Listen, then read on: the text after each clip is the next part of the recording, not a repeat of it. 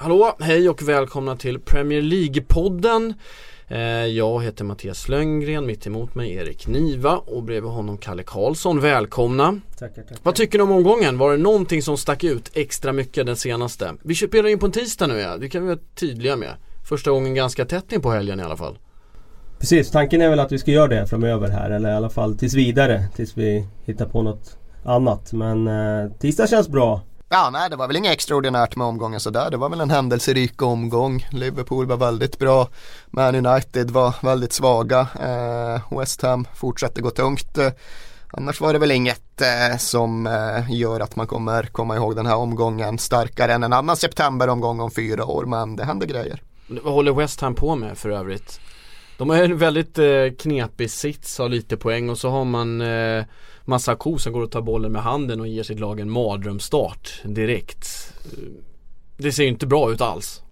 Nej, det gör det ju givetvis inte. Det går inte att släppa in fyra mål varje match man spelar. Och det är klart att de har ett eh, defensivt problem både individuellt och kollektivt. Eh, frågan är ju i vilken utsträckning de även har ett managerproblem. Ifall det finns eh, den där situationen där Slaven Bilic initiala entusiasm nu börjar falna och vi istället står inför någon form av brist på struktur och systematik som ibland förblindas av hans eh, lyskraft och karisma. Eh, men kontentan av allt det här blir ju någonstans att West Ham riskerar att bli av med det här lyftet som det skulle innebära att flytta till den nya arenan med Payet som superstjärna. Att de inte skjuter fart uppåt i tabellen genom Europaspelet på den nya arenan utan istället hamnar i en ganska omfattande identitetskris där man inte ställer sig frågan hur högt kan vi nå utan istället ställer sig frågan vad är det vi har gjort, vad är det vi riskerar att förlora om vi inte längre är West Ham United, The Academy of Football från Upton Park, vad tusan är vi istället? Och det kan bli en ganska omfattande problemsituation om de verkligen fastnar i det. För det är ingen lätt sak att Eh, byta ut det gamla hemmet mot något helt nytt. Och blir den flytten omgärdad av negativa vibbar då eh, kommer mycket, många möjligheter kommer därmed ha gått förlorade i så fall. För rent, rent eh, offensivt sett så, så levererar de. De gör ju mål för att ligga högre upp i tabellen men de släpper ju in som såll. Det gör de i och för sig. Samtidigt så hävdar jag att det är alltid lättare att göra mål när man ligger under i en match med massa mål. Eh, än att eh, göra det där segermålet eh, i eh, slutet av en match. Eh, de har ju för sig eh, ganska många målkällor där framme för de har ju yttrar som producerar mål i en takt som de sällan gör i, i lag eh, under topp 4, topp 5. Alltså Michael Antonio eh, gör ju extremt många mål för att vara en så begränsad spelare. Det måste ju vara den bästa målgöraren, eh, bästa yttermålgöraren i ligans historia sett till hans kvaliteter. För att eh, de är ju han är ju en Championship-spelare som gör en massa mål i Premier League. Hörru du, han är engelsk landslagsman. Ja, men han är ändå en Championship-spelare. ja, det finns ingen motsättning där i. Nej, det, nej. Framförallt inte när Big Sam tränar det engelska landslaget. Kevin. Nolan ska inte gå ut med att säga att han hade dragit sig tillbaka från landslagsspel. Nej, det kan komma än. ett samtal när som helst. Han fick gå från Leighton Orient va? Var det så? Jag är ganska säker på att han fick gå från Leighton Orient. Där han ju i alla fall under en period var player manager. Nu tror jag inte han är någonting alls. Förutom då möjligen landslagsman. Men det utesluter ändå inte ett samtal från Big Sam att han får gå från Leighton Orient. Eh, nej men eh, ha Antonio som eh, gör massa mål. Payet som gör massa mål. Men eh, det är intressant det där du säger Erik kring, eh, tycker jag. Men jag, har, eh, jag stannar där med Slaven Bilic där. Ja, vad är din bild? Ja men alltså om om han inte har struktur och organisation nu. För att det jag kände i fjol med West Ham var ju att de verkligen var organiserade från start när han tog över. Och de var ju ett lag som där alla visste vad de skulle göra i defensiven eh, redan när säsongen började i fjol. Men de djupdök ju då också. Helt plötsligt släppte de fyra hemma mot Bournemouth. Ja, absolut. Det är klart att det kan komma sådana matcher. Men om man tittar på vad de som lag presterade, som mot topplagen så var det ju mm. mm. ett lag som absolut inte satte några fötter fel i defensiven och sådär. Och det vore ju konstigt om han nu eh, liksom har tappat den förmågan att vara att organisera sitt lag. Eh, jag, min känsla är mer att det handlar om individnivå. Och att eh, jag menar man tittar på vad, vad heter han? Masuako?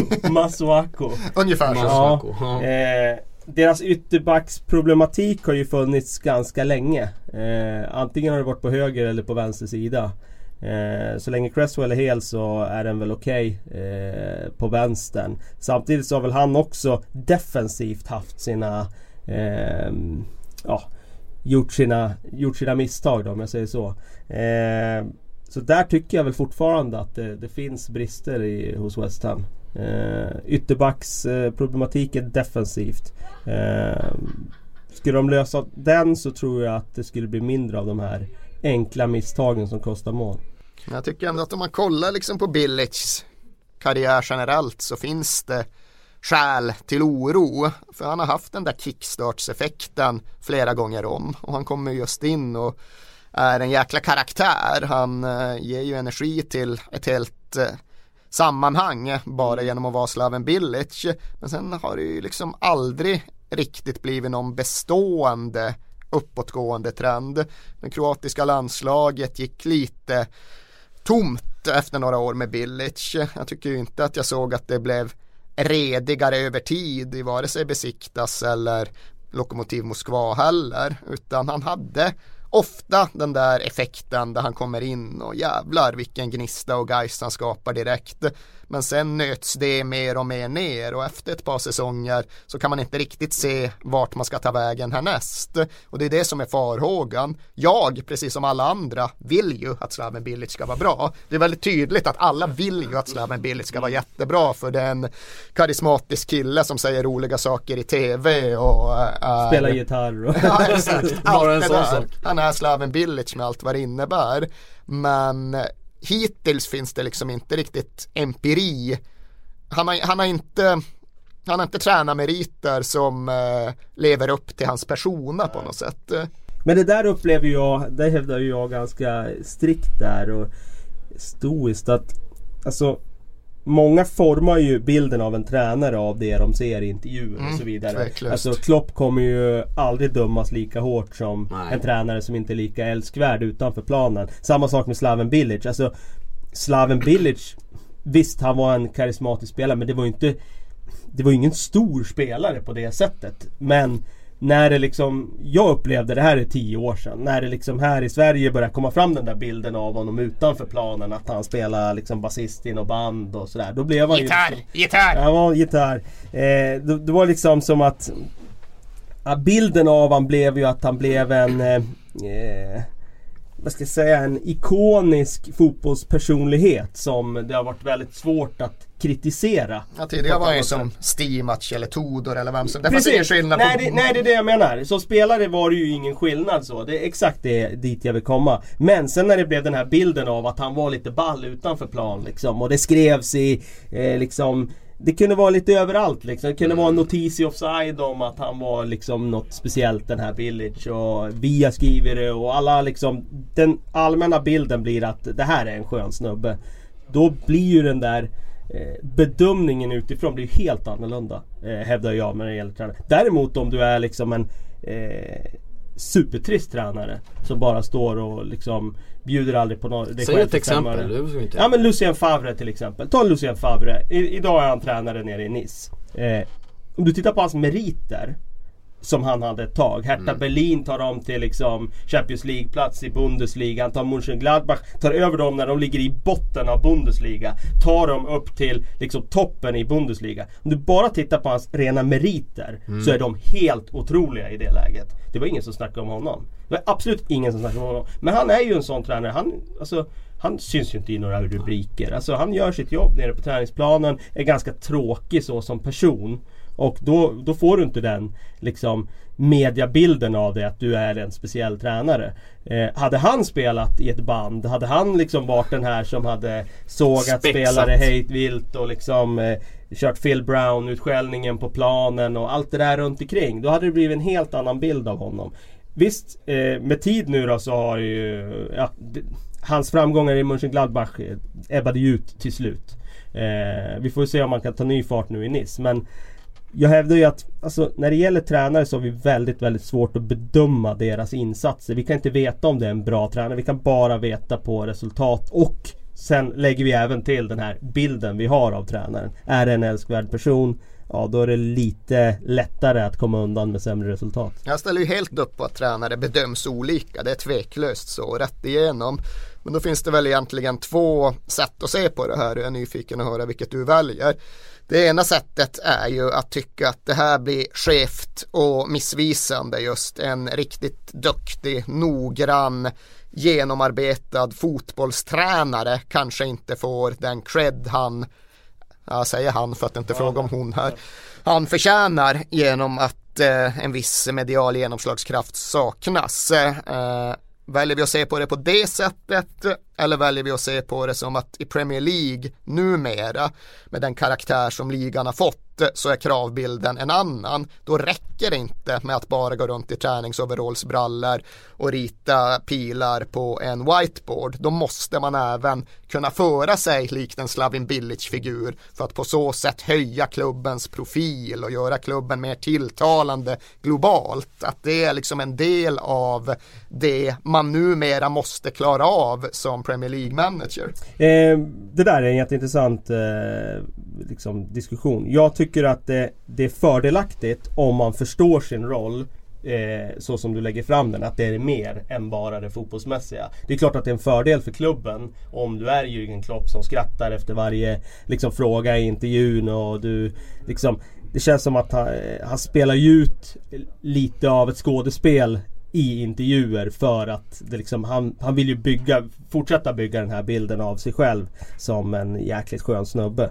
Eh, och jag tror ändå att eh, det är inget, för mig är det inget liksom eh, det, det, kan inte vara det som väger tyngst utan så länge du gör resultaten så kommer du ju i alla fall att eh, vara den som, eh, som eh, lyckas bäst. Och jag menar så länge du har resultaten då får du ju nästan agera hur du vill. Mm. Då blir du ju, då kan du ju istället bli den där eh, vad ska jag säga, eh, legendariska, liksom ikoniska tränaren på det sättet istället. Att du är den där tråkiga för att du får alltid resultat. Då är det, då är det inget problem. Så resultaten kommer ju alltid ändå att forma bilden som vi ger till eftervärlden. För att om, om du vinner varenda match, vinner ligan och sen har du inte bjudit på någonting i intervjun. Ja, visst då är du ju den där eh, tränaren som har eh, eh, liksom blivit någon slags eh, jag ska säga, en kuf Ja en enkelt. kuf och så blir du liksom eh, speciell åt det hållet Men det är klart det är så liksom. Om man vinner varje match och vinner ligan. Det är klart att det alltid övertrumfar allt annat. Men det är väl snarare i realiteten så att eh, den väldigt skickliga, noggranna, metodiska, strävsamma träningsplanstränaren. Ja, han kanske kan föra West Bromwich till en tolfte plats medan den riktigt karismatiska marknadsföringstränaren kanske gör att West Brom slutar 14 eller 15 och det är väl där det någonstans blir svårt. Det är där det någonstans blir en avvägning att göra. Och sen faller väl bilen, faller ju snabbare om du inte är, ja men som du säger, om, om man man får bilden av att det är en skön, trevlig kille, då vill man ju inte fälla honom snabbare. Så då Nej. får man ju större, fler chanser på sig. Det tar ju längre tid att bygga upp det här kufryktet. Ja. men säg att du är på väg att, bygga, säg, säg att du är på väg att göra en sån su succégrej att du är på väg att vinna, men du förlorar fem matcher i rad någonstans. Då blir det ju direkt mycket snabbare snack om att gå. Men, Klopp har ju mer. Sen tror jag för att fallhöjden riskerar att bli ännu större för den sköna killen. När den sköna killen väl faller så blir han ju en pajas. Då blir Ian Holloway Ian Holloway liksom. Alla tyckte att det var en oerhört eh, lustig figur tills det gick uselt och eh, han eh, gjorde sig omöjlig. Då framstår han just i efterhand som någon form av clownfigur och det är ju olyckligt för det är ju såklart att reducera honom också. Men jag upplever inte att det här är ett problem. Jag ser det inte som ett problem utan jag konstaterar bara att det är så. Mm. Eh, så att eh, eh, Skevt, ja det är ju skevt men jag ser det inte som något problem. Det är inget som eh, som håller mig sömnlös om nätterna. Men du tror inte liksom. att det... Jag tror att det är så. Det kommer att vara så. Det Exakt, är så fungerar tror, världen. Jag tror också att det, alltså, det är relevant för att jag tror att det i någon mån kommer att påverka vilka som är Premier League-tränare. Jag tror att vi kommer få se färre Tony Pulis-figurer framöver och jag tror att vi kommer få se fler Slaven Bilic-figurer. Och på så sätt tror jag du kanske har anledning att ligga sömnlös ifall du ska göra karriär som fotbollstränare. För jag tror att ska man vara fotbollstränare på högsta nivå framöver då kommer det just krävas ett helhetspaket där det här med ja, den rena marknadsföringsaspekten kommer värderas mycket högre. Det kommer vara svårt att liksom sitta i anställningsintervjuer och gå igenom rekryteringsprocesser med klubbar på högsta internationella nivå och bara vara den gamla goda Lasse Lagerbäck-figuren ifall man ska ta honom. Ja precis han jag tänkt satt och fundera på. Han har ju för blivit mycket mer. Han har gjort svingen, ja, han har gjort precis den svingen genom att få utrymme. Fortsätt, förlåt. Uh, nej jag vet inte om jag skulle komma så värst mycket längre än så. Utan det var egentligen det konstaterandet som jag tror kommer vara relevant och som uh, faktiskt förändrar en liga som Premier League i någon mån i grunden.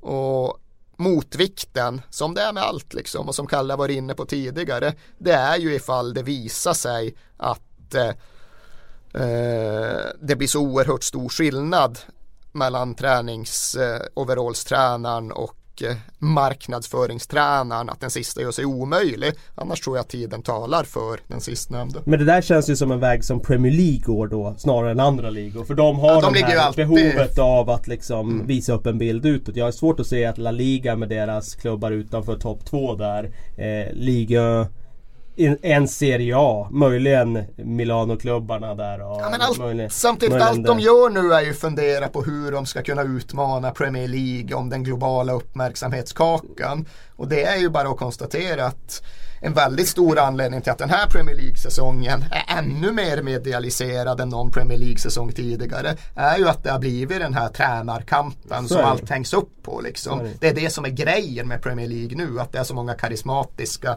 tränare som har hjärnornas kamp sinsemellan. Och jag är helt övertygad om att marknadsföringsfolket i de andra ligorna noterar detta. Jag tror att det definitivt kan innebära förändringar i kravspecen där också. Men man vill ju klamra sig fast vid någon gammeldags eh, föreställning om att det ändå kommer vara fotbollsmännen som i slutändan fattar besluten i Osasuna. eh, och vi ser väl. Det tar väl det, det, det kommer vara så men det tar väl mycket längre tid att få den där äh, stora chansen. Då måste du ha äh, oerhört bra meritlista innan du plockas upp. Men annars är det att du måste ha ett starkt varumärke. Allting är ju varumärken. Så vi journalister är ju varumärken nu för vi jobbar ju inte bara äh, för man jobbar ju även att bygga sitt eget varumärke, stärka sig själv, så stärker man tidningen. Det är ju en symbios och det är väl samma sak där. Allting ska stärka varandra. Vi var inne på en annan sak som jag, eller jag var inne på i början innan vi kom iväg i den här delen med tränardiskussionen. Ni pratade om att Slaven eh, Bilic han har ju i, i haft en tendens komma in och sen så tappar han lite. Hur länge kan en tränare, kan, bör en tränare vara i ett lag? Finns det en bäst före-datum? Nu har vi ju några exempel som kan fortsätta hur länge som helst.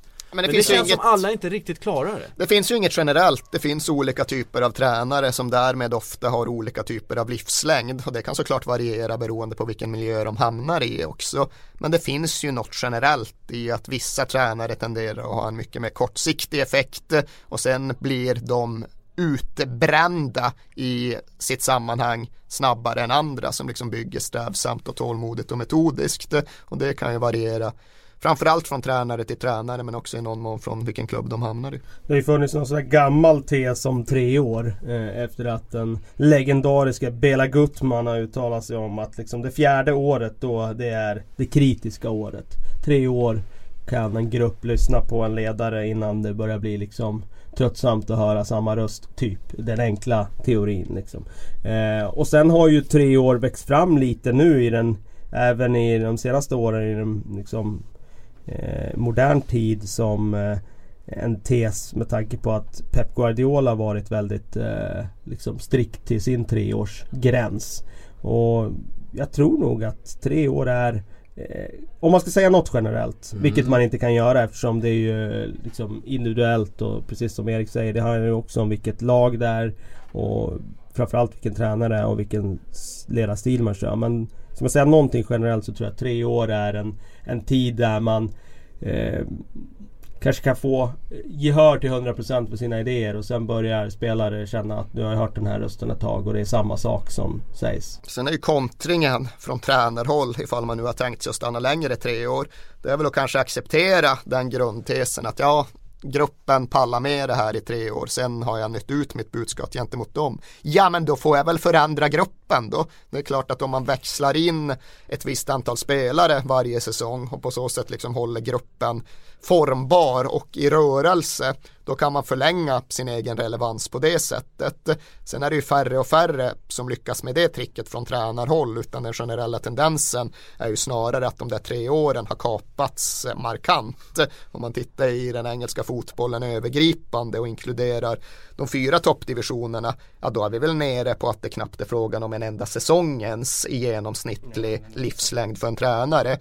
Och det är ju helt bisarrt. Det tror jag de flesta hyfsat nyktra bedömare är överens om att på en säsong hinner man ju inte ens få grunderna på plats. Än mindre nöta ut sig själv. Men det är ju också någonting som ligger i linje med en generell samhällsutveckling där alla hela tiden, överallt, verkar vara besatta över att det alltid ska vara en ny röst i omklädningsrummet. Det är ju liksom inte begränsat till idrotten utan det genomsyrar ju precis allting och det illustreras väl kanske tydligast av att det är helt omöjligt för ett politiskt parti att vinna parlamentarisk majoritet i mer än två, år i rad, eller två val i rad. Det går liksom inte nu för tiden i västvärlden. Det är helt omöjligt. Efter två mandatperioder så vill folket ha en ny röst i det metaforiska omklädningsrummet och byter skitsamma hur situationen i landet har förändrats eller vilka som styr eller vad de säger. Det ska in en ny röst i omklädningsrummet och det är ju, ja, men så är det ju. Så, är, så fungerar samhället idag. Ny röst i omklädningsrummet. Jag, jag, här, när vi pratar om de här tre åren sitter jag och tänker på eh, de här eh, gamla, jag vet inte om alla har hört men de här eh, förhållande eh, grejerna. Det finns vissa årtal man pratar om även i förhållanden. Nästan sju års Tre år, eller? sju år, Ja, eh, det är väl tre år som är den första gränsen. Ja precis, för då har du väl, du är som du säger, 100% gehör. Men där någonstans så börjar man fundera och sen är det sju år och sen är det, sen är det vad det är. Um, Och det, det ska jag säga också vad det är gällande tränare Att det blir lite så när det gäller tränare också att om du går över den där gränsen Om du blir mm. liksom en eh, Sir Alex eller en Wenger då, då kan du ju köra på hur länge som helst sen. För då har du ju blivit som att det är du som är den här klubben. Då vet ju spelarna när du kommer hit så är det Du kommer ju till den här spelarens Eller till den här tränarens klubb Hans idéer, det är bara att rätta in sig i ledet. Jag upplever att det blir ofta så när när du säger att du har stannat i en klubb i 6-7 år. Sjuårsgränsen. Ja, 7-8 år liksom där någonstans. Då, då, då blir det ju som att eh, kommer du till Christian Gourcuffs eh, Lorient liksom. Då, då, då rättar du in dig i ledet på ett annat sätt om det här är en tränare som varit här i ett år. Hur länge har du varit i Karlberg? Det här är tredje året, så nu kommer jag till kritiska treårsgränsen. intressant, ja, intressant. Första året som assisterande dock, men, eh, men eh, det är treårsgränsen här nu. Sämre gehör? Eh, ja, nu har vi, vi bytt ut väldigt många spelare som du, du kör den Väldigt stor omsättning där. Så att, men det är klart att Eh, Eh, man kan känna även liksom, oavsett vilken nivå du pratar om så det är klart att du kan känna att när du kommer in som eh, ny ledare oavsett vad det är för grupp. Det behöver inte vara ett fotbollslag. Det kan ju vara arbetsgruppen här på, på, på jobbet också. Att då får du ju väldigt mycket gehör från början. Sen om du pratar om liksom på möten här på jobbet liksom samma saker i två år. Ja men det är ju klart att det är någon som sitter och stirrar ner i mobilen efter två år och, och tycker att ja, men har vi inget nytt att komma med. Jag tror jag varit, fan har jag varit här? Jag har varit här i 16 år eller någonting. Det generella tipset utifrån det är ju att sluta gå på mötena. Ja, exakt. det funkar fantastiskt. Det finns ett, inte ett ord som du inte redan har hört. Nej, eller sagt. Eh, Klopp, om vi är inne på, eh, på, vi var inne lite på honom. Jag, jag har tänkt honom som en sån som skulle kunna, Dortmund, han byggde upp, var där jättelänge. Men nu känner jag att jag undrar om han är en sån som kommer vara Kommer han vara i Liverpool hur länge som helst? Jag tycker i och med att den här mediala bilden känns som att han kommer vara snabbare i sina cykler nu Kontra vad han förut Eller tror ni att det kommer bli en långsiktig lösning det här? Alltså han gick ju själv ut och pratade om att han typ såg sig själv i Liverpool resten av livet ja, men Men det var min känsla bara jag... Ja, alltså, han är ju en så väldigt krävande tränare. Han kräver väldigt mycket av sin spelargrupp både fysiskt och i förlängningen även mentalt. Och tränare med den typen av extremt högt kravställande tenderar ju att bli crash and burn tränare liksom. De maxar ut det som finns att maxa ut under några säsonger och sen är det liksom slut i tanken. Bilen kraschar in i bergväggen precis innan bensinen ändå var på väg att och sippra undan. Så var det ju i Dortmund. Eh, jag tror ju inte att du skulle få någon runt honom runt Liverpool och ställa upp på att det kommer bli så i Liverpool också. I synnerhet inte med tanke på hur uppåt allting går precis just här och nu. Men ska jag spekulera så är det väldigt svårt att se Jürgen Klopp nå ens en sjuårsmarkering i Liverpool. Jag tror att han är fullt kapabel att tänka klubbbygge. Jag tror han är fullt kapabel att liksom se utveckling på lång sikt och sådär. Men eh, empirin, erfarenheten, allt som har hänt tidigare talar just för att det är svårt att vara hans typ av tränare och bli väldigt långlivad. Eh, eh, vilken tränare är det som eh, det här stora namnet som inte är i Premier League nu? Jag, jag tänker på en som jag trodde skulle komma redan eh, ifrån Oh, nu tappar jag namnet, Atletico Madrid Simeone. Simeone känns ju också som en sån byggare Alltså en byggare av sig själv som Den typen som skulle vara en till som kom, borde kunna komma till Premier League nästa säsong för att ha ännu en tränare som är demoniserad. Ja det är det ju absolut. Och han har ju absolut visat upp sin förmåga att vara klubbbyggare i Atletico Madrid. Han har verkligen eh, jobbat på sikt och eh, velat stanna längre än vad jag trodde. För att eh, tror att många, 9 av 10 tränare med de framgångarna som han hade i Atletico Madrid. Han hade hoppat från skutan efter den där treårs eh, framgångsvågen och sen hade han liksom hoppat på en av storklubbarna där ute i, i Europa. Men det har han ju inte gjort utan han har stannat och det säger ju väldigt mycket om hans relation till Atletico Madrid men det säger ju också en hel del om honom.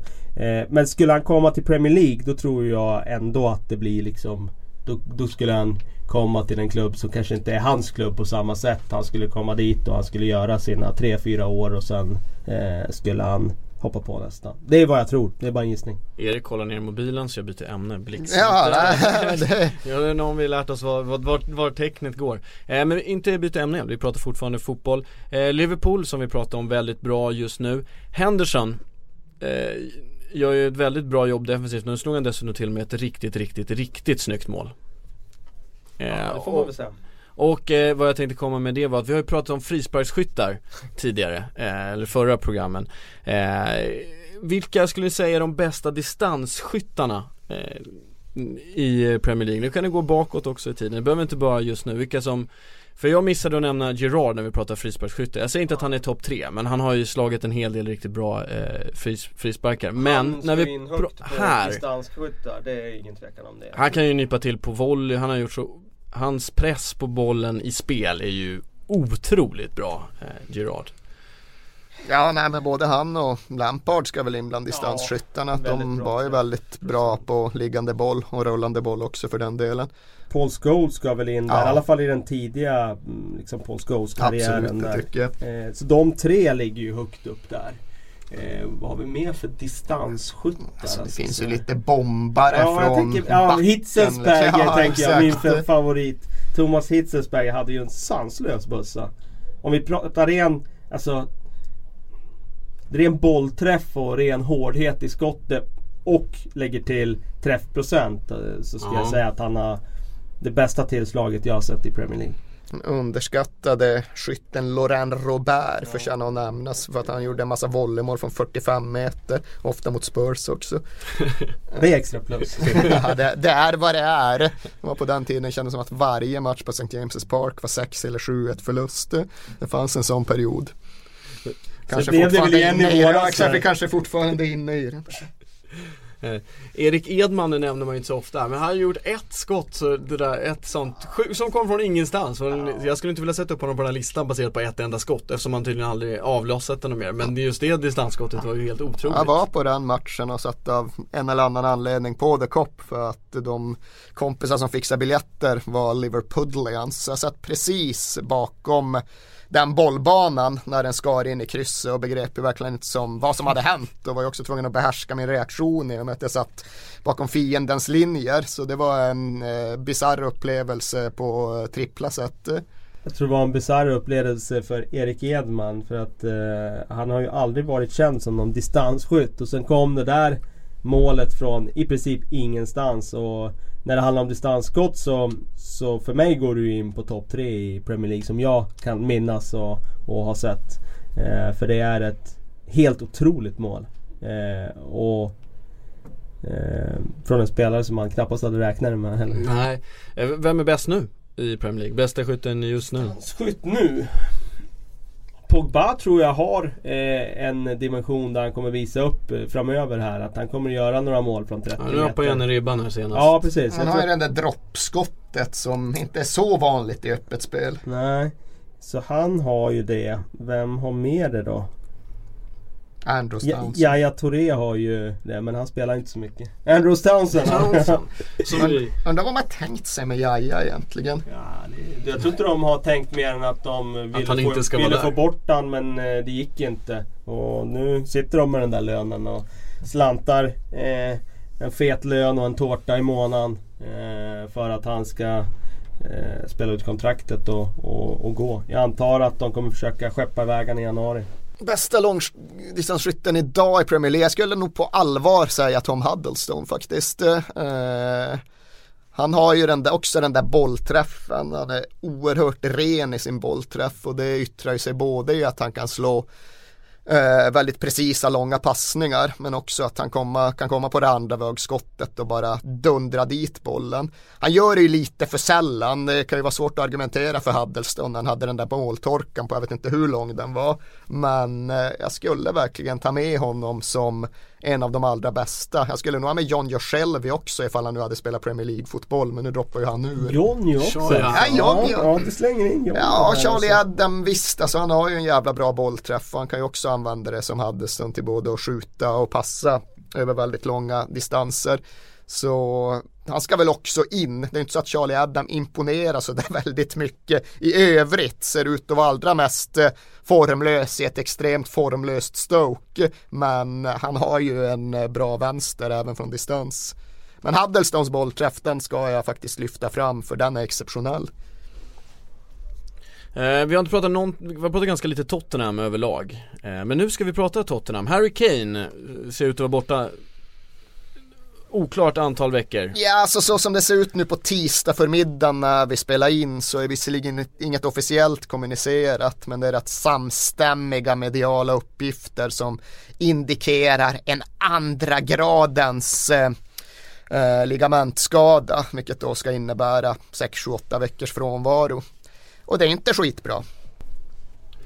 Eh, Nej det är Jansen in där och som ska bära det här och det är väl tur att ni har honom nu ändå. Jo, det Eh, här för hade förra vi- säsongen hade ju varit katastrof. Ja, det hade ju varit säsongen ifall det här hade hänt i motsvarande skede i fjol. Då hade vi försökt få liksom bluffa oss fram med Clinton Hörde NG. min så är det att det inte hade varit koreanen eller, eller Nasser Chadli på den tiden. Och båda de liksom målades ju upp som att de kunde spela nia men det kan de absolut inte kan jag försäkra alla som eventuellt är intresserade. Ja, men nu är det verkligen ett test för Jansen och hittills har han ju varit sådär i Spurs. Han har jobbat och han har slitit men han har inte alls fått till det i målgörandet och han har verkligen haft sina lägen. Tänker tillbaks till ligapremiären mot Everton där han verkligen borde ha avgjort med ett närskott från 6 meter med 7-8 minuter kvar. Hade den gått in och han hade varit matchhjälte där så tror jag ju att det hade blivit en helt annan mental situation. Nu går han in i den här perioden med frågetecken hängande över sig och det vill nog till att han får göra ett mål de närmsta två, tre matcherna för att det inte ska bli en grej, att det inte ska börja snackas Afonso Alves som Matteja Kessman och pekas ner till holländska förvärv och så vidare.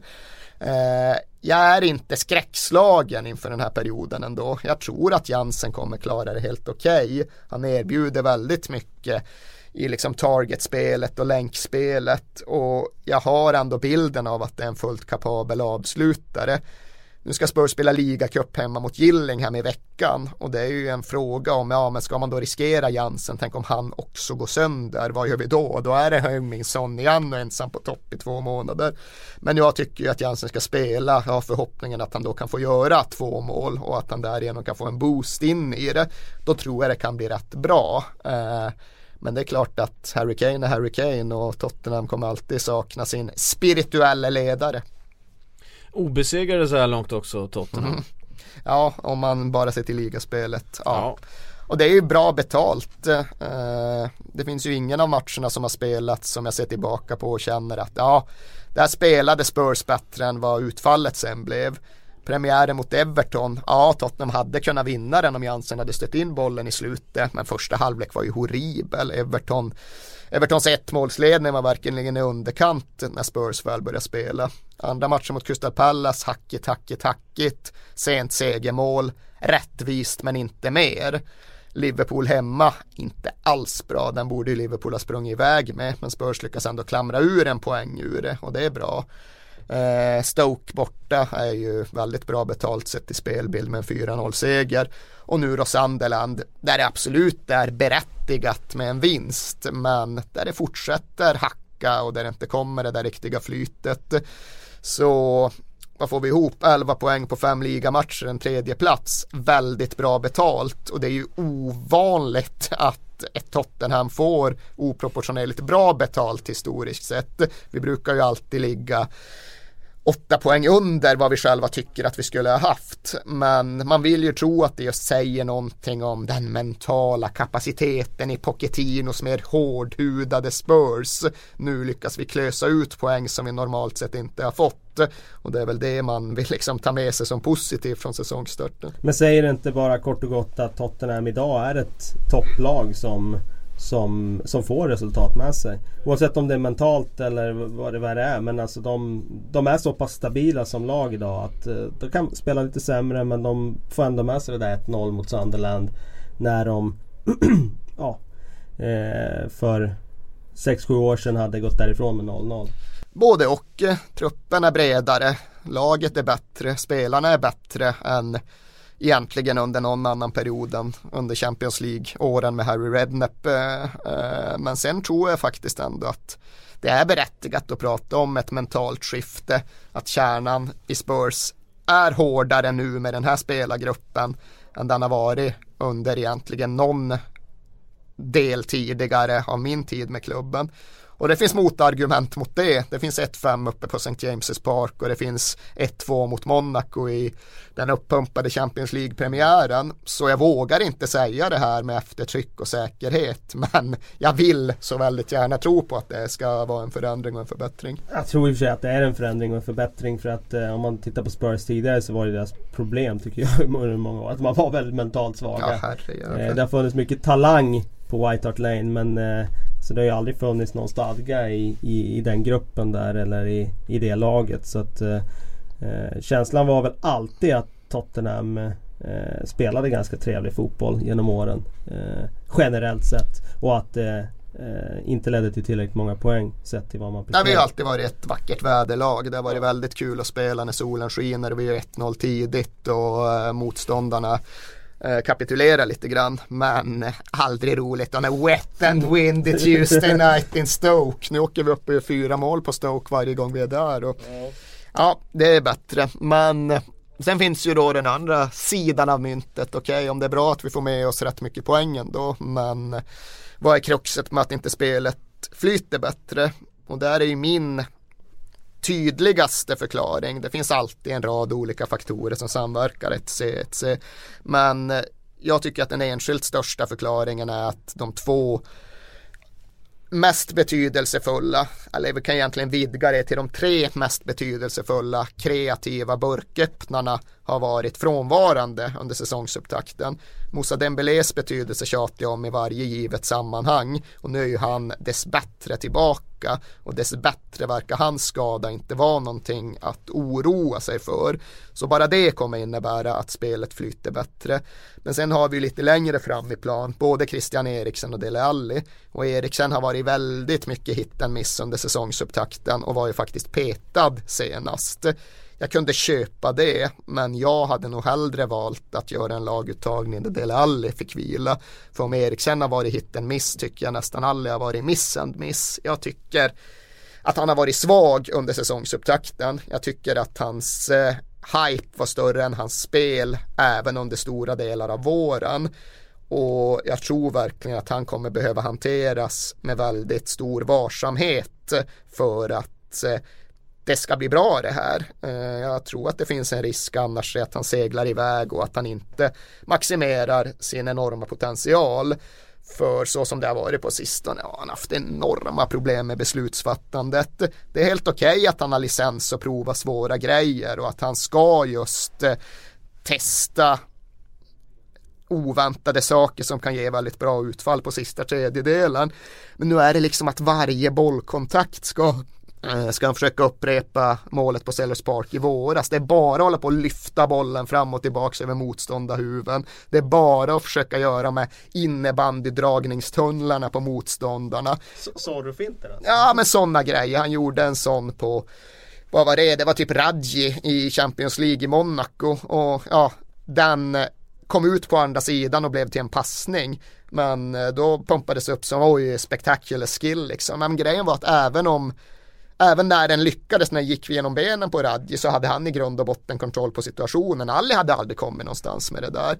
Och det är väldigt mycket så att även när han lyckas med de här svåra prylarna så blir det ändå ingenting just nu. För att det finns liksom ingen effekt, det finns ingen effektivitetspotential eh, i det han testar med. Han testar jättesvåra prylar han misslyckas fyra gånger av fem, den femte gången lyckas han men då är han ändå infångad nere vid hörnflaggan. Och nu blir jag väldigt kritisk och det är klart att eh, det ska man också akta sig för att bli. Han är 20, han måste få vara ung, han måste få testa grejer, han ska inte få kvävas och kuvas.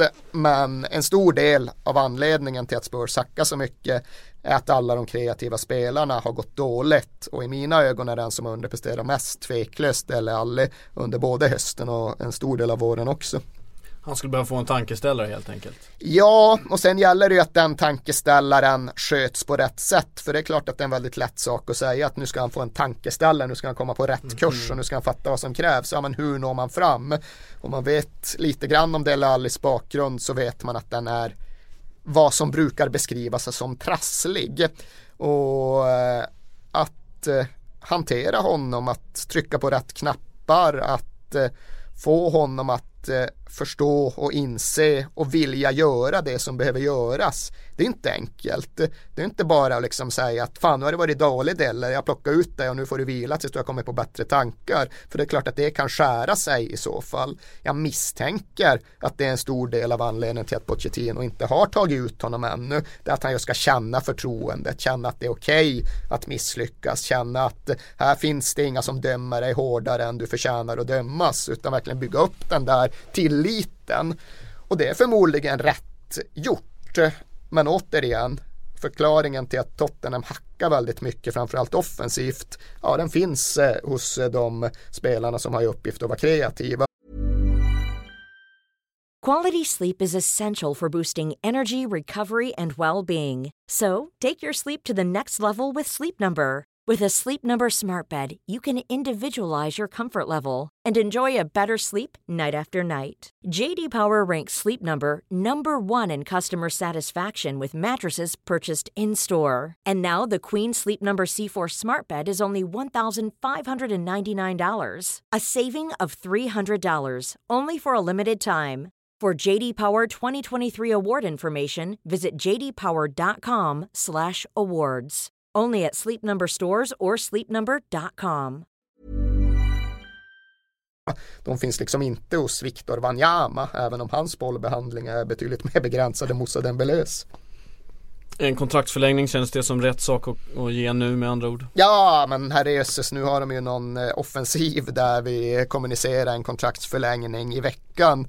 Och det är jättebra för vi vill ju så hemskt gärna tro på det här lag och klubbbygget. Det ska vara den här kärnan som ska växa sig stark tillsammans och som ska bli någonting väldigt stort för Tottenham på sikt. Det är klart att vi ska gå den vägen och det är klart att vi ska acceptera att det är lite, lite vägbulor eh, på kursen framåt. Eh, så det är jättebra att vi försäkrar oss om att det här laget kommer att få chansen att växa tillsammans snarare än att vi bara blir sönderköpta och ger upp hoppet eh, även om vi slutar femma eller sexa i år. Så det är kanon att eh, Alle får förlängt, att Eriksen får förlängt, att Dyer får förlängt trots att alla de har varit sämre än de kan vara nu under två månaders tid. Ja, kanske man bygger upp dem, man bygger ändå och ger dem den här grunden som du säger att man kan få misslyckas, vi tror på er ändå Jo men vi måste ju förstå att de är unga, det är liksom det, det för ju med sig saker, man kan inte hantera 22-åringar på samma sätt som man hanterar 28-åringar och det finns liksom ingen anledning att vara kritisk mot hur Tottenham som klubb eller som Pochettino som manager har hanterat den här hösten. Vi torskade mot Monaco bedrövligt, det var jättetråkigt och det fanns fog att vara kritisk mot den insatsen. Eh, hoppas att spelet i ligan får bättre flow framöver. Men återigen, vad fan vi ligger trea i Premier League och lyckas klamra åt oss en massa poäng och vi förlänger kontrakt till höger och vänster. Jättepositivt och eh, ifall man tappar den helhetssynen så missar man ju vad som är grejen. Ja så är det ju, det är de poängen som sen kan eh, kommer vara väldigt viktiga i slutet när man plockar dem även när inte saker sitter.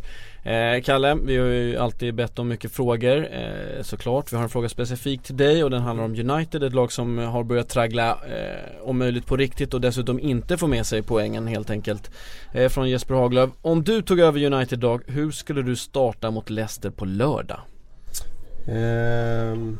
Ja eftersom Wayne Rooney är väldigt, väldigt formsvag i nuläget och jag inte ser honom som en startspelare. Så skulle han ryka först eh, i elvan. Han... Eh, ja, den där nummer 10-rollen där eh, som han har haft och eh, liksom någonstans i allas bok ska ha. Eh, I alla fall alla som eh, följer United lite sådär eh, på avstånd tänker att han är självklar i. Den, den, eh, den följer ju med vissa krav och han lever ju inte i närheten upp till de kraven idag. Så att eh, han skulle ryka. Skulle formera ett 4-3-3. Eh, enligt eh, modellen med spetsen neråt. En defensiv mittfältare. Och eh, då skulle backlinjen vara till höger Antonio Valencia. Eh, mitt, eller, mittbackar Bailly och eh, Daily Blind. Eh, till vänster skulle jag spela eh, Marcus Rojo nu eftersom Luke Shaw verkar vara skadad. Så att han kommer att vara, missa matchen. Hade du spelat med Shaw Anders? Eh, annars hade jag spelat med Shaw. Ja, det, det, det, får man nog. Det får man nog utgå ifrån ändå. Även om han gjorde bort sig i helgen där på ett mål så var lite valpig så är han ju den bästa Lite valpig och lite skadad. Ja, han har fått precis. äta en del skit för den där missen. Ja det ska han ju göra också men eh, sett på det hela är han ju den bästa vänsterbacken de har. Eh, på mittfältet, för det är där det börjar bli intressant. Backlinjen är ju egentligen inte så intressant. Och det är väl lite om... intressant att du ställer över Småling men jag förstår ja, absolut hur du resonerar. Just nu så behövs det ju en passningsfot snarare än Smålings nickstyrka. Så att eh, jag tycker att Daily Blind om man ser på de första omgångarna så får man ju i United väldigt bra effekt på att ha den där extremt bra passningsfoten som han faktiskt har där nere. Är inte Smålings nickstyrka lite överskattad också? Jag tycker ju att han blir rätt nedtryckt av framförallt Dini i helgen och jag tycker ganska ofta att han kan bli lite att han kan få problem mot genuint eh, nickstarka motståndare. Ja, förra hösten när han var i toppform där, då förlorade han inte en nickduell. Då var det ju som att ingen kunde ta honom. Eh, varken i löpdueller eller i nickdueller. Och eh, jag håller med om att eh, sett till sin kroppshydda så kanske han ska vara ännu bättre i luften. Men det blir ändå så här, det är skillnad när det kommer ett inlägg på Småling där jämfört med Blind där. Ja det är det ju. Eh, då, då har du den där längden som du vet att när han står i sin zon så kommer han i alla fall att rensa i den zonen. Sen visst det kan dyka upp en spelare som är snett bakom honom som nickar in den. Men kommer bollen där han ska vara då tar han undan den. Eh, på mittfältet då där det börjar bli lite intressant då, då skulle jag spela Michael Carrick som sittande mittfältare. Eh, och eh, jag tycker att det är alldeles för uppenbart att Marouane Fellaini inte är en defensiv mittfältare i ett lag som ska föra matcher och som ska ligga i toppen. Och det har jag tyckt eh, i alla tider och jag står fast vid det idag och eh, jag ser ingen anledning av det som har presterats hittills i den här säsongsöppningen. Även om han kan i vissa matcher, eh, vissa perioder i, i en match kan vara dominant i närkampsspelet och vinna andra bollar så ser jag inte honom som en Spelar för ett topplag. Så Michael Carrick i den sittande rollen. Framför honom skulle spela Ander Herrera och Paul Pogba. Då skulle Pogba få den rollen som han hade i Juventus i, eh, med eh, större licens att röra sig lite friare och kunna hänga med i anfall framåt. Och Eh, på kanterna så skulle jag i nuläget spela Mata till höger, Zlatan längst fram och Rashford till vänster. Eh, då skulle vi få både speed med Rashford, han ska definitivt in i elvan. Eh, det har varit, eh, tycker jag, också uppenbart från början att hans fart behövs. Och jag tror jag har tjatat om det i den här podden att han kommer att spela på en kant förr eller senare. Och nu spelar han på en kant. Och det är ganska uppenbart att det är han som skapar i det där laget. Eh, och Mata just nu så behövs det ju kreativitet och den har han ju. Eh, det kommer till en kostnad, det gör det. Eh, att ha Matta i laget oavsett om man spelar 10 eller om man spelar på kanten. Men jag tycker ändå att han har kvaliteter som just här och nu behövs. Vad ser vi för långsiktiga framtider för dem i Kalle Karlssons Man United petade Henrik Mkhitaryan och Antoni Martial? Ja, eh, min frysbox då består ju då av Rooney, Mkhitaryan och Martial. Eh, av de spelarna som ändå aspirerar på startplatser. Eh, Rooney eh, ska ju säljas. Vem eh, ska köpa honom? Eh, där är det stora problemet. Eh, det är inte där, Kalles problem alltså. Eh, det, Jo det är det. Tro mig, det är svårt ja, okay. att sälja som ja, Premier League Ja men okej okay, då, om jag nu... Du sa ju att jag hade fått ja. jobbet som manager. Ja. Eh, ja då skulle jag försöka kränga iväg han till Kina. För det är de som har råd att betala den där jättelönen. Så att eh, jag skulle gå i all in på Kina. Jag skulle acceptera en ganska låg eh, övergångssumma vilket det såklart handlar om i det här fallet. Samtidigt så Kina verkar så sjukt angelägna om sina spelare så de kan nog slanta upp mer än vad han är värd i dagens marknad. Rooney säger jag vill inte till Kina. Kommer du skicka honom till reserverna med Schweinsteiger då? Eller? Nej, ja, men vi ska komma till det sen. vi ska komma till det sen. Vi ska komma till, ja, vi ska komma till det sen. Eh, Micke, vi går vidare på den där ja. trion bara. Men jag, jag skulle självklart försöka kränga iväg Rooney. Eh, han skulle inte vara, han skulle inte spela nu. Men eh, jag tror samtidigt att Rooney någonstans eh, är beredd att slåss om sin plats fram till nästa fönster i alla fall. Och det skulle han få göra. Han skulle inte hamna i reserverna på det sättet. Utan han ska få bevisa sig. Ja, men eh. du, ska vi ta Rune eller vill du vidare till Nej, nej vi, går vidare till Mkhitaryan. Okej, okay, vi ska tillbaks till Rune. Du har inte klarat ditt manager ah, okay, ja, men, ja, men. Okay, ja, det som händer nu är att du kommer till januarifönster, du försöker sälja Rune till Kina. Mm, du har intressenter. Rune säger jag vill inte. Nej. Vad gör du nu? Nej, men då får han slåss om sin plats. Okej, okay, ja. men det är inte reserver utan någonting. Nej, nej, han är nej. bara kvar. Ja, han är kvar. Han är kvar. Mm. Eh, och det är klart att där kan det ju torna upp sig problem. Det, det förstår man ju. Men samtidigt så eh, Wayne Rooney själv vet ju att han inte är i form nu. Det, det, alltså, så korkad är han ju inte. Eh, presterar han inte då, då spelar man inte. Det tror jag till och med att Wayne Rooney förstår i det här läget. Han har haft tidigare perioder i sin eh, United-karriär där han har varit i dålig form. Men när han är så här svag och i den konkurrensen som finns då tror jag han ändå förstår själv att Ja nej men jag Just nu så är jag inte i form och då spelar jag inte. Sen när det blir eh, ett problem då får man ta itu med det då. Mkhitaryan, om vi går över på den. Eh, det är såklart, alltså det förstår jag också, det är en jättesvår puck att, att ha en Wayne Rooney som är en jättestjärna i Manchester United på bänken. Han har ju haft perioder tidigare i sin United-karriär där han borde ha suttit på bänken där han inte har gjort det för att han har varit Wayne Rooney. Så att alla managers har ju haft Wayne Rooney problemet. Ska jag säga under de senaste jag skulle faktiskt säga de senaste 6-7 åren. Ja, han, jävligt bra våren 2011. Ja, och det är det som är grejen. Att han var ju sjukt dålig den där hösten där när han skulle till Manchester City. Ja, det var väl fram tills 20... han kom tillbaka och gjorde den där bicykletan. Nu kommer jag inte ihåg vilket det var. Jag tror det, var, var jag tror det var hösten 2010 ja, var väl... han var så svag. Måste det ha varit. Han var väl liksom, han var, ja, det var det. jag för mig ja, att han var svindålig hösten 2010, svinbra våren 2010. Ja, Sen fick han ja. en skada, usel VM 2010. Ja. Sen var han nog dålig igen och sen kom han tillbaka och var svinbra våren 2012. Vilket ja, kanske stämmer. var sista gången han var så här riktigt bra. Han var ju bra sen under Moyes sen också faktiskt. Då fick han ju ett lyft under Moyes. För att då Eh, Mois gjorde ju han till kapten där och sin spelare, sin gamla spelare. Då fick han ett lyft där. Så du har helt rätt, det stämmer den där cykeln där. Och sen eh, fick han ett lyft under Mois igen. Och han har ju varit en sån spelare. Det ska man säga, det var ju även under Sir Alex. Alltså, han kunde ju komma in i perioder där han var extremt formsvag där också. Under den perioden när han ändå var en superstjärna i världsfotbollen och liksom var i paritet med Cristiano Ronaldo. Om vi tar innan Ronaldo hade fått sitt jättegenombrott så var ju han och Rooney på samma nivå. Men även under den perioden så kunde ju Rooney ha... Jag kommer ihåg den där första säsongen när de vann ligan 2006-2007. Eh, så var ju, det var ju första året Ronaldo blev vald till årets spelare. Men den hösten var ju Rooney spelmässigt var ju medioker. Men sen gjorde han ju sina mål ändå. Statist, statistiskt sett så kan man ju säga att ja, men han var rätt bra den där säsongen. Men spelmässigt hade han ju enorma formsvackor. Finns det något generellt i det? Att hans eh, höstar brukar vara sämre än hans vårar och att det ganska enkelt går att koppla till att han har en en svårtränad anatomi. Ja, han kan komma tillbaks eh, lite tyngre från somrar än eh, en lättare ja, spelare. Det har han ju gjort. Han har ju kommit tillbaka tyngre eh, ganska många gånger. Redan tidigt i sin karriär fick han ju smeknamnet Mac Rooney när han kom tillbaka från någon eh, semester. Han käkade mycket hamburgare där. Men eh, jag vet inte det, om, om det bara är höstar som har varit Nej, dåliga. Jag minns är det nog inte. Inte Säsongen 2009-2010 där när han skulle ta över efter Ronaldo. Då var han ju extremt bra hela den säsongen. Då var han ju... Men sen fick han väl en skada precis på slutet och så blev han usel till VM va? Ja. Stämmer.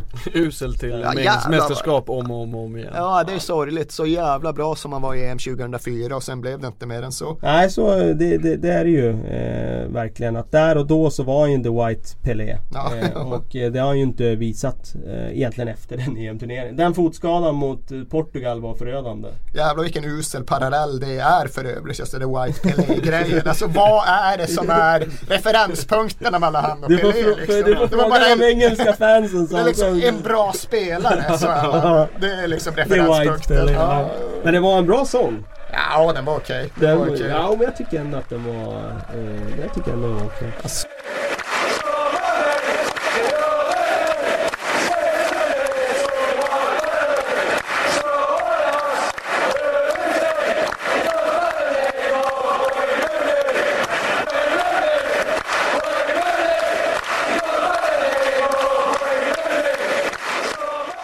Eh, men eh, om jag går vidare då. Mkhitaryan klar här. Mkhitaryan kommer ju såklart eh, att eh, användas friskt den här säsongen. Eh, han behöver hitta formen. Så att det kommer Hur definitivt... ska han hitta formen utanför laget? Nej men det är klart att man får sina minuter. Det får man alltid. Och sen... Eh, jag hävdar ju alltid att startelvor är inte skrivna i sten utan det där är ju elvan för Leicester. Sen kan det ju vara en elva som ser annorlunda ut till nästa match. Eh, det är klart att han kommer att slåss om både platsen till höger och eh, Pogba och Ander Herrera platserna där inne på centralt lite offensivt mittfält. Ja, så han kommer få sina matcher. Han har ett bräckligt, grubblande armeniskt schackspelarpsyke. Här måste du vara vaksam ja, så att absolut. Eh, du inte kommer... På... Men det måste man alltid vara. Det spelar ingen roll vilken nivå man jobbar på. Man måste alltid vara vaksam.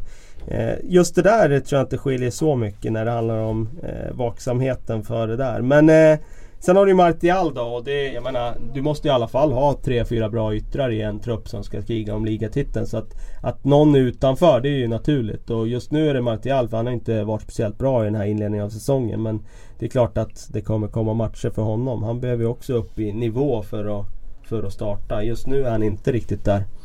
Eh, så det är om det. Vem, jo, det jag skulle återkomma till. Det var ju för att du sa Schweinsteiger. Mm, mm. Ny tränare. Då plockar man ju såklart ur Schweinsteiger ur frysboxen. Precis som många andra tränare har gjort när de kommer in till en ny klubb och någon, någon sitter i frysboxen. Ja men då är det ny giv, nya förutsättningar. Eh, jag förstår inte alls varför man har eh, liksom jag förstår ju i grunden att man i somras eh, bedömde att okej okay, det här är en spelare som kostar väldigt mycket i lönekuvertet. Vi behöver inte honom. Vi ska göra allt för att bli av med honom. Och då spelar man ut alla kort och sätter honom i eh, juniorlaget och reservlaget och tränar med U21 och så vidare. För att han ska känna att nej, men det här vill ju inte jag. Jag går med på att flytta till en annan klubb, sänka min lön och göra det. Det är, liksom, det är inte första gången det där har hänt i världsfotbollen. Det händer ju Eh, ganska ofta ska jag säga. Däremot blir det ju väldigt stort när det är i de stora klubbarna mm. och de stora spelarna. Och stora tränare. Och stora tränare såklart. Har man försökt bli av med Emanuel Adebayor en gång då har man fan försökt med allt i,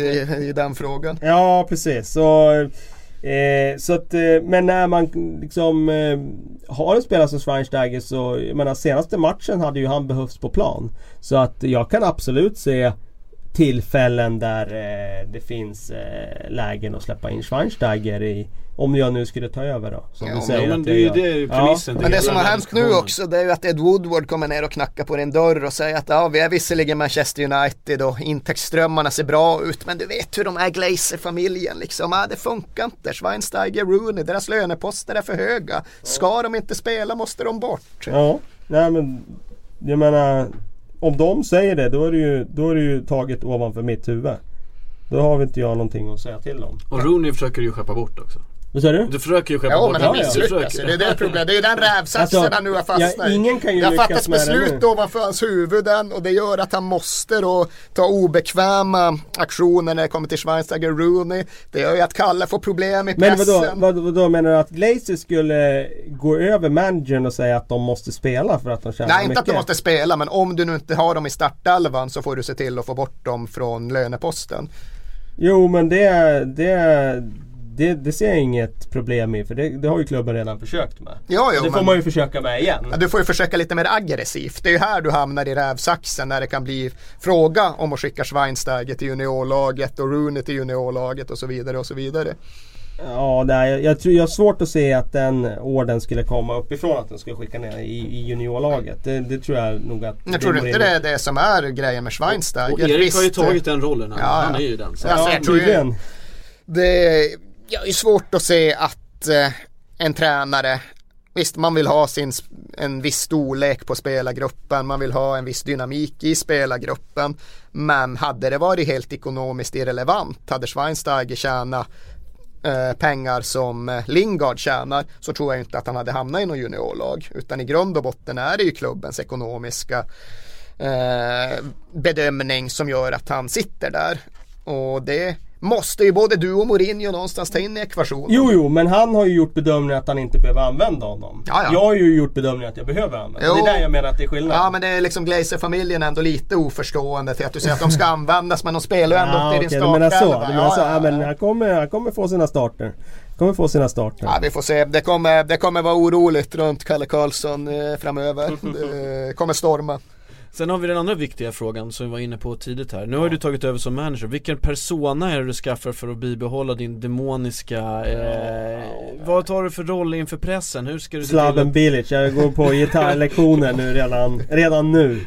Eh, ska- Fotbollsproffs pluggar italienska innan de ska ut i Serie A. Du pluggar gitarr för att du ska Precis, till ja, Man United. gå på sånglektioner så jag kan sjunga också på eh, liksom eh, eftersäsongs eh, Den här sista när man går varvet runt och tar publikens Ja, ja, ja, Då, Då då, då åker du- guran fram och, och skönsången fram. Sen- Då är du Phil Brown liksom. Ja då är jag Phil Brown och Pia Sundhage och, eh, och Slaven Bilic och allt i ett liksom. Hörde du Kyle Walker inför Champions League-premiären förresten? Ah, det var något socialmedialt team som eh, hade ett fantastiskt eh, festligt upptåg där de eh, Jo den här har jag hört Ja, Kyle Walker skulle rätt och slätt framföra Champions League-sången. Och det är ju, jag vet inte om det är en aria eller vad fan det är för operaterm som är relevant här. Men det är ju inte bara vanlig sång, han måste träffa höga toner. Och he gives it a good go. Det är så, ja, alltså. det får man ge honom. Åh jävlar. Ja, eh, no to me, jag klipper in den här Ja, det kan du göra, det kan det, är, det är värt att bjuda på även om det skriker lite i öronen These are the champions.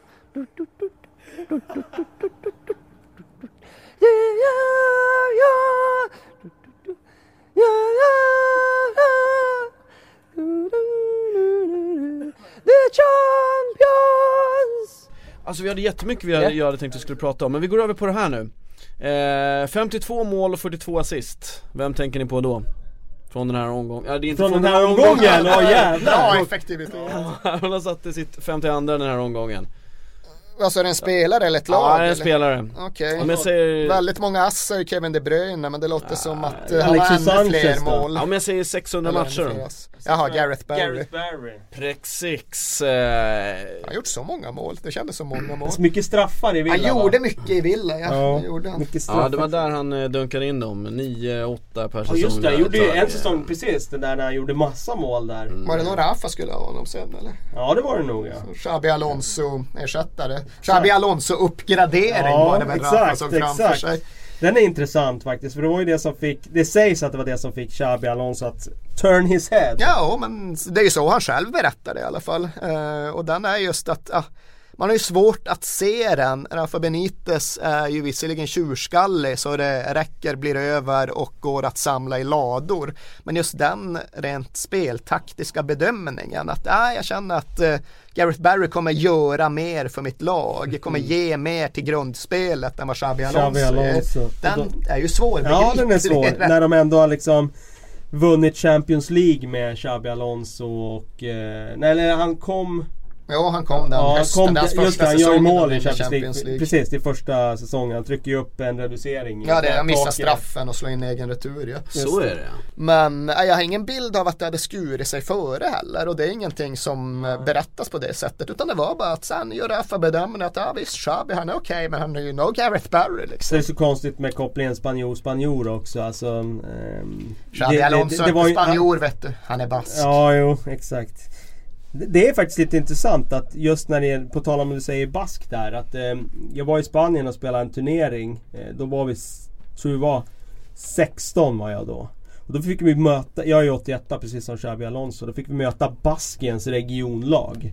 Eh, och jag har ingen laguppställning från den matchen men rimligen så kan ju han ha varit var- med. han var det, där. Var, det var regionlaget för Baskien. Så ditt problem är ju att det kan vara så att San Sebastian eh, har ett eget regionslag för de accepterar ju visserligen att de är basker men de är ju en annan typ av basker än Bilbao-baskerna och det kan vara så att de har ett eget regionslag. Ja, det menar så. Men vad är, han är från San Sebastian? Han är från San Ja, för det här Sebastian, var ju San. Sebastian. Jaha, ja men det, det förbättrar det. dina ja, odds ja. det, ja. Exakt, vi Hur var mycket, där. hur mycket har du tid lagt ner på att försöka hitta Nej, den det här är ingen, starten? ingen alls. Jag har bara Ingen funderat på alls? det Hur själv fan efteråt. prioriterar du då? Ja, men hur fan ska jag kunna, hur fan ska jag kunna ta du reda är på det? journalist! Vad fan är Hur frågan?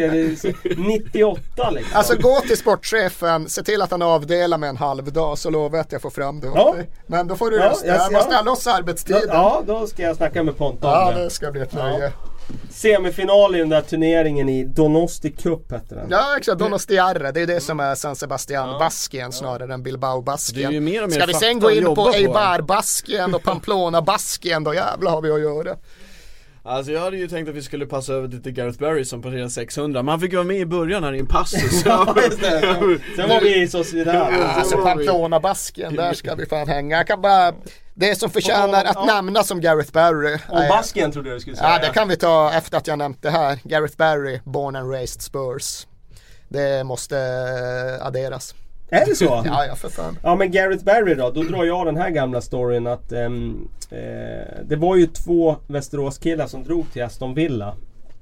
Ja just det, Eh, vad han var. I tidig, tidigt skede. Den ena vet jag vad han heter. David Kurtolo. Det vet jag vad han heter. Ja, och han var ju eh, Det var ju liksom Då var det ju lite speciellt att åka för det var inte så många som åkte på den tiden. Så då var det ju liksom inslag i TV4 Sporten och så vidare. Och Var det under rubriken Näste Johnny Rödlund? Eh, nej det var det ju faktiskt Man inte. vill ju tro det. Men eh, det kan säkert ha nämnts i någon mening kan nog Johnnys namn ha nämnts. Eh, men så var det ju en till som åkte året efter, Isak Nkubi. Och jag kommer ihåg då eh, när han kom hem där från någon av sina, ja han hade väl något landslagsuppehåll. Eh, och landslagsvecka fick de väl åka hem och då berättade han för mig så här att Ja men han så, Såklart så berättade han ju om hur det var där borta och då sa han så här Vi har en jävligt bra spelare i vårt lag sa han. Han spelar redan i U21-landslaget och då var vi Jag tror vi var 17 då när han sa det här. Och han heter Gareth Barry sa han. Och sen dess så har jag ju såklart lagt det där namnet på minnet men eh, ja eh, Han Men var redan då uppe i etsat, U21-landslaget. Hur tidigt kom han till Aston Villa? Han är ju sydkustkille, alltså han är ju från Hastings, det gamla vikingaslagsfästet och växte väl upp i Brighton and Hove Albion om jag inte misstar mig alldeles. Men han kanske gick jävligt tidigt till Villa då. Ja, vi kan väl söka 97-98 fram- har han sin första Premier League-notering i Aston Villa Spelar han, spelar han seniorfotboll för Brighton är frågan jag ställer till golvet. Ah, det tror jag inte men jag kollar här då. Nej, ingen, nej. Det gjorde han inte, 97 gick han till eh, Aston Villa, då var han 16 då. Okej, från Brightons Ja, akademi då? Brightons Okej, okej. akademi. Och säg att vi var 17 här och då sa han att han hade en Och då var han ju vänsterback på den tiden i juniorlaget där. Spelar för mycket vänsterback, det Ja. har han har gjort.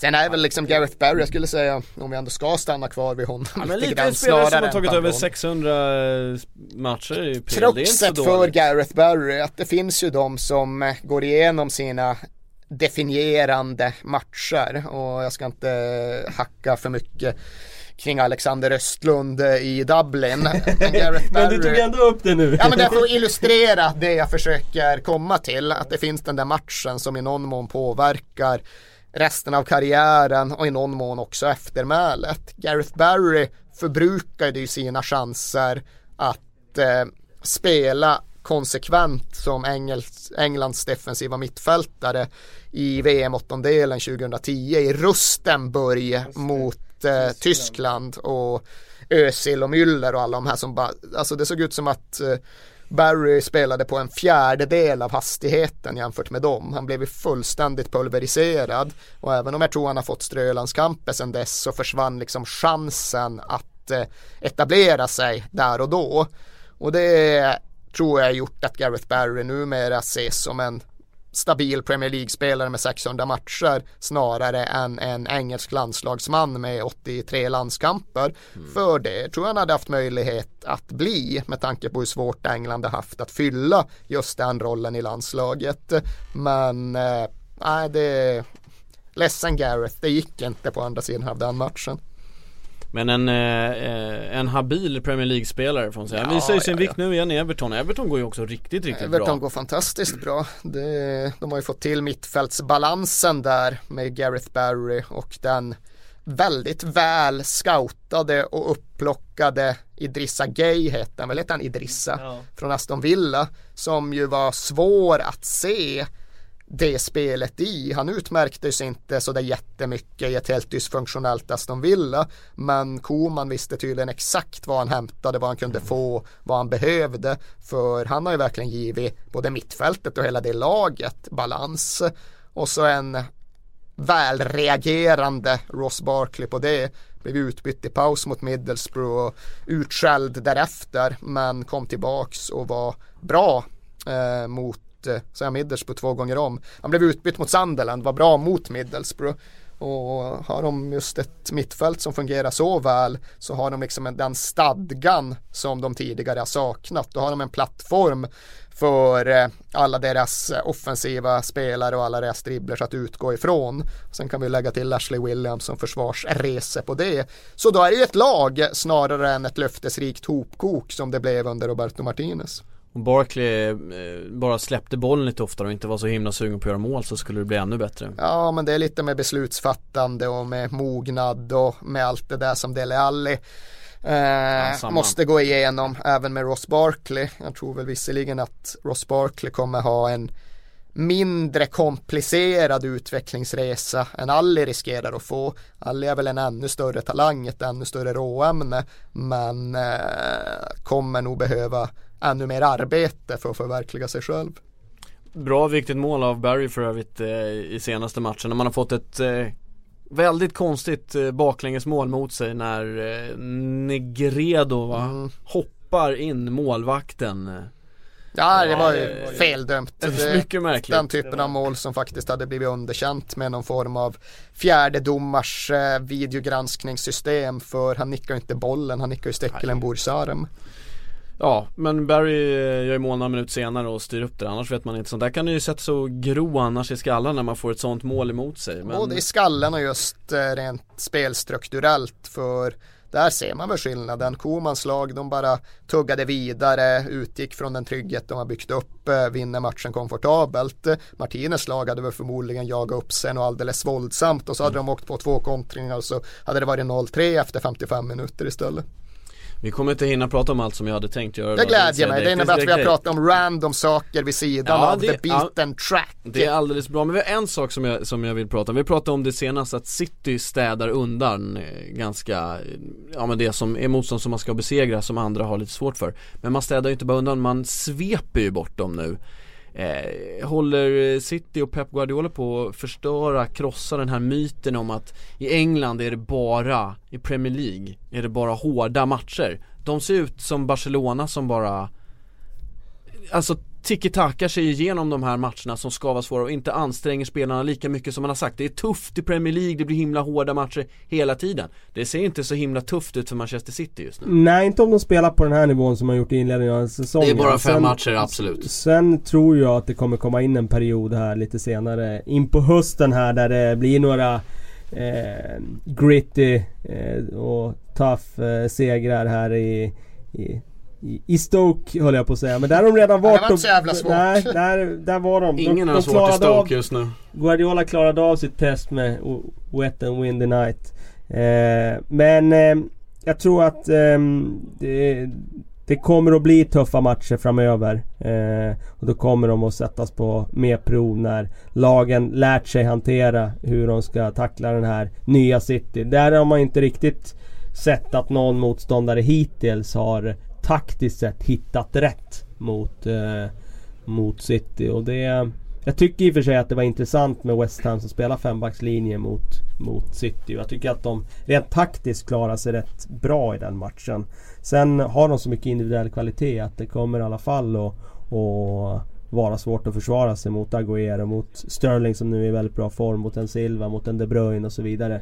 Så att, ehm, ja, jag såg dem som favorit inför ligasäsongen och jag ser ingen anledning att ändra på det nu. Jag tycker att de har eh, ett lag som hade så mycket mer oförlöst potential eh, under sista Pellegrini-året och med en ny tränare som liksom kommer in och väcker alla de här med en ny spelidé som jag tror har tänt hela den här gruppen då tror jag de blir väldigt, väldigt svåra att få stopp på. Du säger det där med att de eh, liksom är överlägsna och ser ut som Barcelona. Ja, just nu så sveper de ju undan lag med den enkelheten att eh, det framstår som att de spelar på en annan nivå. Eh, det blir intressant när de kommer in och får fler matcher mot tufft motstånd. För att mot Manchester United så de var överlägsna i första halvlek, skulle ha lett stort. Men de kunde ju faktiskt ha tappat den matchen också. Och det kändes väl som att det var en straffspark där som missades vid ställningen 1-2. Absolut, det, Och ett rött kort kanske. det hade det borde det ha varit. Och eh, man kan väl konstatera att det var väldigt bra för eh, Claudio Bravo att det inte blev så. Nu har ju hela den fadäs, det var ju ingen bra match från hans sida. Så du, de det var the, the greatest performance Pep Guardiola had ever seen vill jag minnas. Ja, då undrar jag hur han tyckte om resten av matcherna eftersom eh, nu har han ju hållit nollan och inte gjort några misstag. Men eh, han hade lite flyt där skulle jag vilja säga i den matchen. Och nu är det ju inget fokus på honom längre. Det hade ju kunnat bli ett massivt fokus dit. Ja, the och det hade, performance.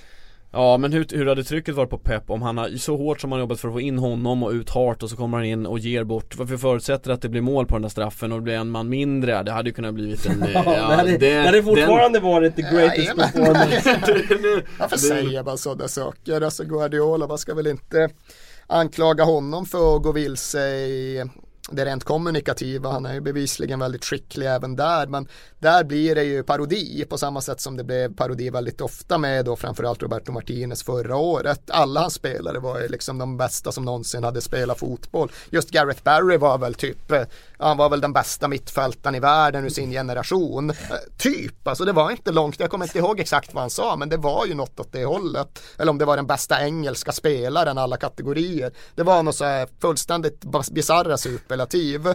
Och det blir så, ja. När de, okej men nu har du alla de här spelarna som tillhör världen Varför genom tiderna bäst. Exakt, varför vinner ni inga jävla matcher? Eh, och ja, Guardiola kommer jag ihåg, han körde exakt samma när Victor Valdes hade passat bort lite bollar och hade blivit baklängesmål. Men då var det ändå begripligt. Så där, ja men det är inte ett misstag, jag gratulerar istället till modet och sådär. Men att Claudio Bravos insats mot Man United var den bästa som hade skådat. Alltså, det, det är bara så jävla konstigt. Ja, det senaste svar som sprider sig nu är ju på frågan eh, Har ni chansen att ta eh, fyra titlar? Fuck, nej vad var det? What, the fuck. Det är hans det. första spontana reaktion What the fuck? What the fuck? Ja, som, ja Han sitter och liksom stirrar ner och muttrar och skakar på huvudet. Och, och även det muttrar är väldigt utstuderat på engelska. Det där är ju någonting han eh, ändå planterar för att eh, verkligen kommunicera någonting. Hade det varit en genuint spontan reaktion, han bara liksom vad fan hände här? Då hade han ju muttrat på katalanska. Men men, men. Ja, han eh, bygger upp det och så redogör han för hur många stora hinder det finns på vägen mot att ta alla fyra Ja, Men, det, var, eh, det var något i ligacupen, kommer inte ihåg. Ja, det var- det var något Det var väl något Ja, i klass med Gillingham, ja men det var väl något i klass med Gillingham som var Fan det är så. Jag är ju en försvarare av alla engelska cuptraditioner. Jag måste erkänna att jag har fan inte ens någon koll på vilka som spelar i ligacupen nu i veckan. Jag vet att Spurs möter Gillingham. Det är typ den enda matchen jag vet ska spelas. Ja men det har ju blivit en turnering där man... möter Just det. Arsenal, Nottingham Ja. Forest. ja men det är, det är stort. Det Det är stort faktiskt. Det Undrar om är inte stort. Chelsea kan möta Leicester, kan det stämma? Så, så är det. Det Ja, är det är enda så, ja. Premier League-mötet i hela Och det vet omgången. jag knappt. Jag, ja, nej fan det, det är sorgligt att jag nej, Jag måste upp en nivå. Ja men jag tycker det har varit en, en, bra nivå. Jag ska dra en eh, fråga till här, eh, läsarfrågare. Martin Sjöberg, vilken kapten leder sitt lag bäst på planen? Nu, här och Nu. nu, Ja, eller historiskt? nu. Historiskt skulle jag säga Historiskt. Tony Adams eh, för mig i Premier League. Ja. Det var, han var för mig personifierade en lagkapten på planen. Eh, här och nu? Ja, nu, ja, det är lite tidigt och lite stökigt. Det är många som byter under eh, matcherna Ja det är ju också. där också. Man Eh, vet knappt vilka som är kapten längre. Gareth Barry? är han kapten? Nej det är, väl- är det Jagielka Ja jag eller? tror det. Jag Ja. tror det. Ehm, vad fan har vi för kaptener? Ja, vi har ju Rooney som är kapten till exempel. Ja, jo. Hugo Lloris som är kapten av någon Lloris, ja. anledning. Det är oklart. Cattermole är väl fortfarande kapten eller? Ja, och det, det, det skulle, skulle inte peka på Catamone. alltså det, Fan vad han var dålig mot Spurs nu igen ja, förresten. det var så. Ja det var det.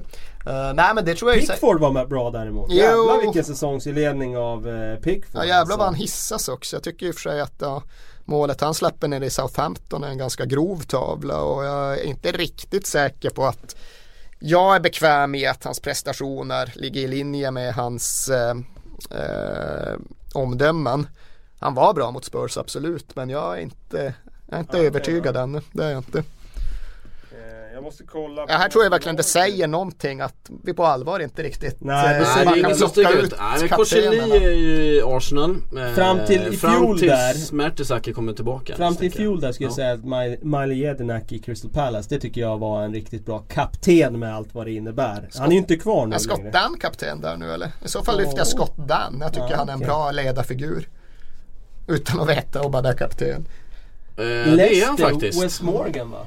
Ja det är han ju. Ja, det, han är ju en bra kapten. Ja, det. Jag, vill, formulerar frågan så här istället, Kalle. Lagkaptensrollen, över eller underskattad?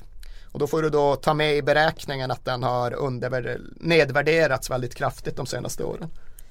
Eh, ja, då... Ja, den, den är nog överskattad för dig och mig som växte upp på den tiden när det var väldigt ikoniska lagkaptener och så vidare. Eh, men jag vet inte med dagens ungdomar som växer upp, de ser nog inte det där med lagkapten lika viktigt. Ja, det är något Som- man bara ger till bästa spelaren för att han ska vara nöjd. Liksom. Precis. Eh, I princip eh, kan man väl säga så att eh, det har blivit så. Eh, så ja, jag tycker nog att den är eh, fortfarande lite överskattad. Jag tycker den är underskattad just i och med att man har, Ja, det ja, men idag är det ju ingenting man fäster någon vikt vid. Vi vet inte ens vem som är kapten, spelarna i laget struntar i Ja men det var det vilket, jag, det men, bara det, var det jag spelaren. Att den är Jo, överskattad Men jag menar att, att utifrån det så missar man möjligheten det innebär att faktiskt utnyttja en traditionell lagkapten till att dra en grupp med sig framåt i rätt riktning. Jag tycker att man just avsäger sig möjligheten att Eh, nyttja kaptensrollen när man helt eh, reducerar den till ett stort ingenting egentligen. Men om vi pratar den högsta nivån, vilket vi gör nu, eh, så har det ju blivit i, I takt med individualiseringen som vi ser runt omkring oss så har det ju blivit att ja, det är den bästa spelaren som drar de andra med sig. Det är inte den där West Morgan-typen eller på att säga. Men alltså den eh, I regel ska jag säga att det är den bästa spelaren som idag är ledaren. Det Var- köper var- jag också men jag tycker för den sakens skull inte att man alltid utnyttjar möjligheterna som det innebär att i så fall använda den bästa spelaren på ett tydligare sätt. Eh, Få honom till en annan typ av ansvarstagande, få honom till att faktiskt göra något mer än att bara ha en tygbit på armen. Vad, det känns som, det, det vi, ni är inne på också, att förut så var man ju mer en förlängd arm av tränaren Ja det har man ju alltså, också lite grann eh, avsagt sig idag. Eh, Jag tycker ju att det ibland eh, tränarna gör det lite för enkelt för sig och säger det går ändå inte att kommunicera något till spelarna under match för att det är så hög ljudnivå liksom. Ja men då får du väl antingen förbereda en eh, talesman på planen eh, före matchen eller så får du väl kalla till dig vederbörande under matchen och sprida en eh, eh, kommunicera den vägen. Eh, men ja, det tycker jag också har gått förlorat just att det där att man nyttjar en eller flera spelare som taktiska sändebud under själva matcherna tycker jag också har försvunnit mer och mer. När jag tänker på bra lagkaptener då ser jag framför mig David Beckham eh, mot Grekland Den, Det känns som han bar hela det laget Ja, det och sätter gjorde han ju Fan vad de var dåliga England då. Ja, men han gör ju Svennis- allt Vad bra de var Grekland då. Ja, de var smarta De var jävligt bra. helvete. De Men det på- var ju EM-vinnargrekland, det som blev EM-vinnargrekland. Precis, Liksom. det var det som var grejen. Och ingen hade ju snackat om Grekland då. Men det var ju... Jag för mig att de skickade in An- Andros Charisteas från bänken i den matchen. Han kom in och dominerade över varenda touch han hade då. Och man såg jävlar vilken bra spelare det var. Vilka spelar så- mittbackar för? Var det Ferdinand och Campbell som spelar mittback för England då? Kan ha varit. Scheistes bara dwarved den. Ja, vad vi ser nu för 20... Ja, Vilken är annars starkaste lagkapten när ni verkligen sett en sån som bär? Ett lag Alltså det är svårt att bortse från Gerard om man nu pratar Ja. om modern Premier League historia liksom. Så är det ju. Han och Roy Så. Keane kanske då på Ja. 90-talet. Eh, när det handlar om den bilden som vi växte upp med av en lagkapten. Så jag skulle säga kanske Steven Gerrard och Roy Keane då. Sen ska man längre tillbaks i då framförallt en engelsk fotbollshistoria så kommer man ju hamna på Bobby Moore liksom. Ja, lyfte VM-bucklan och allt vad han stod för vad det gällde att vara både leader of men och ambassadör för både klubb och nation. Det är ju absolut ett namn som inte hade valts bort i någon form av eh, helhetssammanfattning. eh, Med det så sammanfattar vi den här Premier League-podden. Tack för att ni har lyssnat. Eh, Bra snack hörni. Så hörs vi igen nästa vecka.